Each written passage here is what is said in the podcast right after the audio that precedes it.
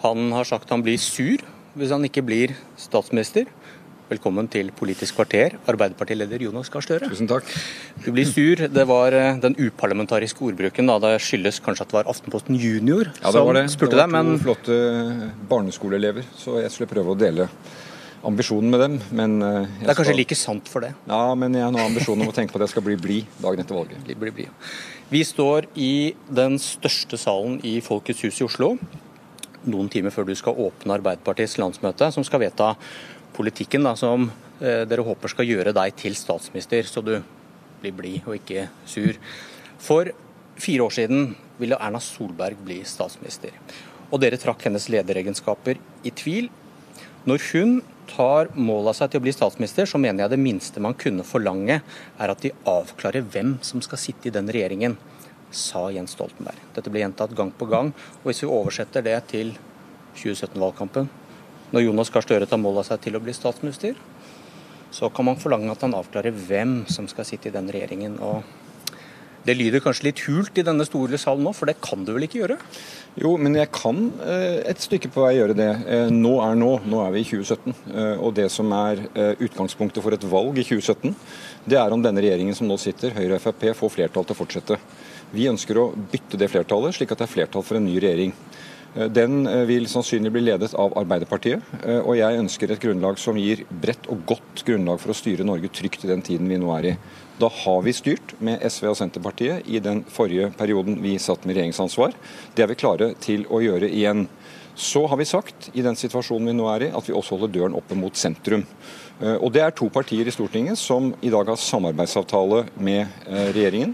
Eh, og som har sagt at de neppe vil ha den type samarbeidsavtale igjen, eller vil, eh, er uklare om de vil stå ved den garantien til Høyre og Frp. Men da gjelder denne anklagen akkurat like mye mot deg som mot Erna Solberg. Du klarer heller ikke nå å svare på hvem som skal sitte i din regjering. Nei, men jeg mener at det er riktig i 2017 å si at valgresultatet får en stor eh, betydning for det. Hvorfor ikke 2013? Nei, for 2013 var en annen situasjon. Da var det fire partier som var i opposisjon i Stortinget. Fire borgerlige partier som da var stortingspartier i opposisjon til den rød-grønne regjeringen. Og de var ikke i stand til å si om de kom til å samarbeide i regjering. Erna Solbergs prosjekt var at alle fire skulle i regjering. Det var det hun sa og strevde etter. Det klarte hun ikke. Jeg tar ansvar Bjørn Myklebust, for situasjonen i dag, i 2017, hvor jeg sier at eh, jeg tror det avtegner seg et flertall for at eh, denne regjeringen skal skiftes, at det skal komme en ny regjering ledet av Arbeiderpartiet. De partiene som ønsker å bidra til det, de ønsker jeg å ha et godt forhold til og danne regjering på grunnlag av. Men anklagen her var at man viser svake lederegenskaper som statsministerkandidat, hvis du ikke kan svare på hvem som skal i regjering og det kan du ikke. Jo, men Du kan ikke ta en 2013-situasjon og si at den er universell, gjelder til alle tider. Nå er vi i 2017. Vi har tre partier i Stortinget som har vært i klar opposisjon til denne regjeringen uten samarbeidsavtale med dem. De er enige med at den må skiftes ut, og de peker på meg. Det mener jeg er et veldig avklart opplegg. Så holder vi døren opp mot sentrum. Vi kunne jo sagt det at det er de tre fra forrige periode, punktum. Det hadde vært et greit budskap, men vi sier noe nytt. Nå hadde du vist lederegenskaper ifølge Jens Stoltenberg. Da. Ja, men Jens Stoltenberg tror jeg vil nikke veldig til det jeg nå sier. Han kjenner seg godt igjen i det. For det vi nå gjør, er jo å si noe som er nytt. Vi holder døren oppe til sentrum. Vi er åpne for å finne et grunnlag for dem. Det kan involvere regjering, og det kan involvere en type støtte. Det må vi i 2017 si at valgresultatet avgjør. Okay. Men poenget er Arbeiderpartiet er klart til å ta det ansvaret. Det kan være fra mindretall. Det beste for å styre Norge er å få en regjering med flertall. Vi får se hva det blir. Vi skal se litt på Arbeiderpartiets politikk. og Apropos ting som gjør deg sur. Ordet 'reversere' det finnes ikke i mitt vok vokabular. Det er veldig godt sagt. Ja. ja. ja. Veldig tydelig. Men i ditt alternative statsbudsjett for i år så bruker du ordet 'reversere' på sju ulike forslag. Du skal reversere kutt i 600 lærerstillinger. Du skal reversere regjeringens kutt i regnskogmidler og jo. fem andre. Er det ikke like greit å kalle en spade en spade? Hvis du vil reversere noe, så kan jo, du kalle men det det. Men et ord får betydning sånn som de brukes i, i, i, politikken. Og jeg har jo da ment med ordet reversere at denne regjeringen tar Norge i gal retning, setter oss tilbake. I mitt hode så er reversering det er på en måte at du, du rygger tilbake. Jeg skal framover. I 2017 skal vi se mot 2020-tallet og alt det Norge møter. I utfordringer innen arbeid, arbeidsledighet, folk som faller utenfor arbeid. Løftene vi må gjøre i skole, løftene vi må gjøre for de eldre, det vi trenger å gjøre på klima, på teknologi for å møte møte digitalisering. Da er revers et veldig dårlig ord. Men det er da må du kanskje språkvaske jo, dette budsjettet ditt? Da. Ja, det kan hende. Men jeg tror folk forstår når du snakker om et budsjett. For dette er jo mange ting denne regjeringen har gjort som vi ønsker å gjøre om. som vi ikke var vår prioritet. Altså, De har gjort etter min mening en del dumme ting som vi vil gjøre om på. Eh, men det meste vil jo handle om å si hvor står vi i 2017, hvordan tar vi dette videre, gjør det bedre, gjør om på det de har gjort feil, og gjør de nye tingene riktig. Men denne ordleken handler vel da om at du er redd for å bli stemplet som bakstreversk? Så prøver du å pynte på dem og si at jeg bruker ikke ordet reversere. Det er jo ingen som liker det, og det er jo hensikten for de som bruker de ordene. Eh, men når vi vil gjøre om dårlige, byråkratiserende, dyre reformer som denne regjeringen har gjennomført, såkalte reformer, så er det ikke snakk om å ta oss tilbake til 2013. Da skal vi stå i 2017 og se framover. Vi kan bruke ressursene i sykehusene mye bedre på bedre behandling for flere på en mer rettferdig måte enn et veldig dyrt privatiseringsforslag denne regjeringen har gjennomført, f.eks. Apropos reversering. En ting som ja, i stor grad da, skiller Arbeiderpartiet og regjeringen, er synet på skatt. De borgerlige har senket uh, skattene med 21 milliarder kroner på, uh, i denne fireårsperioden. På landsmøtet skal dere da trolig vedta å øke skattene med inntil uh, eh, 15 milliarder på fire år for å få råd til mer velferd. Men så sier du til VG at de fagorganiserte skal få en milliard kroner i skattelette. Og så har dere vel forpliktet dere til å senke selskapsskatten, som koster noe sånt som 2,7 milliarder å, i, i, 2018. Og da må du hjelpe meg med å få regnestykket til å gå opp. Hvor henter du disse 3,7 milliardene fra? Jo, men Det skal jo hentes fra eh, måten vi prioriterer det handlingsrommet Norge får i regjering. Oljepenger? Nei, Det kommer til å være oljepenger, ja. Selvfølgelig enhver regjering vil bruke det. Men ikke den uhemmede innføringen som denne regjeringen har gjort. Men vi kommer til å prioritere annerledes. Vi prioriterer jo ikke da de store skattekuttene. Nei, men her, her har du 15 milliarder. Du har sagt inntil det. Ja. Disse 3,7 de er ikke bakt inn der. Nei, men, noen men. Og det, dette går jo på skatteopplegget deres. 1 milliard til de fagorganiserte må du jo finne et sted. Det må inn her. Da, da kan man tenke seg at det var inntil 16 milliarder når du kommer med et nytt løfte? Nei, men vi sier inntil 15 milliarder. og Da handler det om det alternative budsjettet vi la for 2017 pluss gjennomføring av den skattereformen. Det kommer til å bringe inn eh, anslagsvis da i sum 15 milliarder for å løse mange små og store oppgaver. I dag er det et fagforeningsfradrag. Vi mener det er nødvendig å øke det for å få organisasjonsgraden i Norge opp. Et veldig viktig tiltak for eh, arbeidslivet. Eh, og Det handler om at vi prioriterer det handlingsrommet vi har i økonomien annerledes enn denne regjeringen, for å gjøre nødvendige ting. Fordi at arbeidsmarkedet vårt er avhengig av å være godt organisert. Da er dette en investering i at vi får et bedre organisert arbeidsliv. For Dere har en veldig tett kobling mellom skattenivå og velferd. Kutter du, så går det på bekostning av velferd. Hvis du øker, så får du råd til mer. Og når du da skal f.eks. gi da de fagorganiserte 1 milliard på toppen av det du allerede har lovet, så må du da, hvis du da ikke vil øke skattene mer og avgiftene, du vil ikke kutte noe sted, så blir det da oljepenger. Jo, men da er jo det en av de... Der har du ikke så stort handlingsrom. Nei, men det er jo det en av de prioriteringene vi gjør, for vi mener det er viktig når det gjelder det handlingsrommet vi får økt. Altså Denne regjeringen har kuttet skatter, hevdet at det er vekstfremmende. Det klarer de ikke å dokumentere. Vi får store oppgaver innenfor skole, eldreomsorg og la meg si, for bedriftene å støtte dem i det teknologiske skiftet som står. Da ønsker vi å bruke de pengene. Det er ikke bare til velferd, men det er også for å støtte nødvendige investeringer, omstillinger som vi skal gjøre i næringslivet. Det er to ulike syn på hva det offentliges rolle er. Vi mener at vi kan ha større ambisjoner som fellesskap.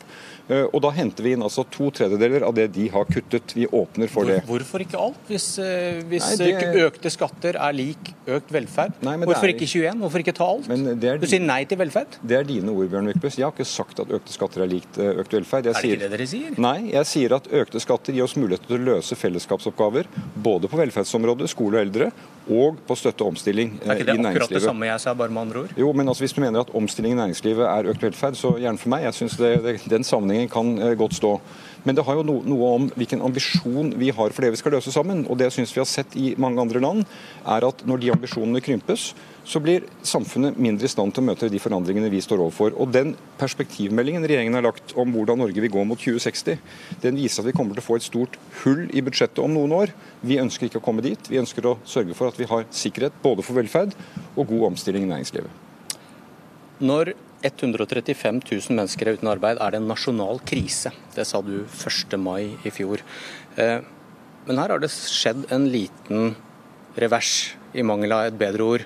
Ehm, har du lyst til å gi honnør til regjeringen, nå som ledigheten begynner å gå ned, fordi politikken deres har virket? Altså, jeg gir honnør til de bedriftene som etter en konjunkturnedgang nå klarer å omstille seg og ansette nye mennesker. Eh, tiltakspakker som denne regjeringen ble presset til å legge fram, de har vært for små etter vår mening. De har effekt eh, på noen områder. La meg komme tilbake hva jeg sa om krise. Det som var urovekkende da ledigheten var på sitt aller høyeste, det var at det ble sagt i debatten dette er et problem på Sør- og Vestlandet. Resten av landet går det veldig bra i. Det jeg sa 1. mai i fjor, var at når noen opplever krise med høy ledighet, og det gjør man på Vestlandet og Sørlandet, så skal vi i vårt samfunn si at det er alles krise. Vi har et ansvar for å løse det sammen. Vi må ta det inn i debattene i Oslo i Stortinget og si at dette er noe vi må gjøre noe med. Nå har ledigheten gått noe ned, det er bra. Det er fortsatt på et veldig høyt nivå. Det må fortsatt ned. Ja, da blir spørsmålet når er ledighetskrisen over? Hva må ledighetstallene ned på før du sier at nå er det ikke en krise lenger? Jeg har ikke sagt et tall for det. For mange er dette fortsatt en veldig vanskelig situasjon. I kommuner i oss lokalsamfunn er dette veldig vanskelig. Det dypt urovekkende på arbeidsmarkedet nå er jo alle de som faller ut av arbeidsmarkedet. Vi har faktisk færre som jobber i år enn i fjor. Eh, så men, ledigheten men, er ting. Men hvis du, hvis du, sier at noens krise er alles krise, da vil du også styre på en ledighetskrise uansett, da, med den definisjonen? Nei, jeg mener vi fortsatt har en stor jobb å gjøre for å få ledigheten ned. Uh, uh, arbeid til alle er jobb nummer én. Det er det viktigste saken for Arbeiderpartiet. For så veldig mye henger sammen med at vi arbeider. Vi snakket om skatt i sted. Skal vi løse oppgaver innen velferd, innen omstilling, så er det én ting som trumfer alt, og det er at vi jobber. Eh, ingen skatteøkning kan kompensere for at vi trekker oss ut av arbeidsmarkedet, ikke jobber, ikke betaler skatt. Derfor er det der oppmerksomheten må settes inn. Derfor er arbeid til alle, både få ledigheten ned og få flere inn i jobb, eh, veldig viktig. Det jeg tok opp i Stortinget i går, var jo det at menn i 30-årene, som man sier er i deres beste alder, der er mellom 15 og 20% nå utenfor arbeid. Det er et dypt alvorlig tema, og derfor så blir arbeid, både ledighet og deltakelse, en hovedsak for oss. Etter at ledigheten begynte å gå ned, så kan det virke som dere har begynt å snakke mye mer om andelen som er i jobb, ikke antall ledige. Ja, men, ja, du har rett i det. for Vi snakker fortsatt om ledighet. Vi har snakket om behovet for krisepakker og tiltak. Men vi må jo se den tiden vi lever i. At det er sider i arbeidsmarkedet nå. La meg peke på to. Det ene er at andelen går ned. Det er dypt urovekkende. Men hvor, Hvorfor sa du ingenting om det i denne 1. mai-talen i fjor. Nei, da snakker du kun om ledighet. Ja. Så begynner du, de å gå ned, ja. om det er på regjering, regjeringspolitikk. Jeg har ikke hørt deg skryte av dem eh, ennå. Men så begynner dere da å snakke om sysselsettingsgraden. Ja. Fordi det biter ikke så mye kanskje med Nei, ledighetsanklagen lenger. Men dette er jo fordi at vi skal ta tak i problemene som de er. Jeg sier fortsatt er ledigheten et problem i deler av landet. Vi må bekjempe den med kraftigere virkemidler enn denne regjeringen gjør.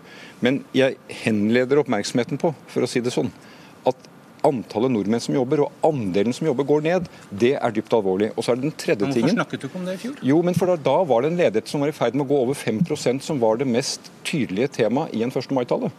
Eh, men vi har også snakket om andelen vært urolig for det over flere år. Dette er, dette er, et samfunnsproblem som vi må ta på alvor i Norge. Og dere er medansvarlige. Den største nedgangen ja. i sysselsettingsgrad kom vel under den rød-grønne regjeringen? Finanskrisen, som Erna Solberg sier bare var en liten bump i veien, det er et kjempeproblem som har destabilisert alle samfunn i Europa omtrent. Den kom vi oss igjennom. Og du men, sier oljeprisfallet kanskje er en liten bump i veien, da? Nei, ja, men altså ledigheten Vi, vi kom oss gjennom finanskrisen. Ledigheten eh, fikk, fikk, vi ned. Og andelen eh, på arbeidsmarkedet fikk vi stabilisert. Den, er, den fortsetter å synke nå. Men den som styrer i dag, tar ansvar for det som er i dag.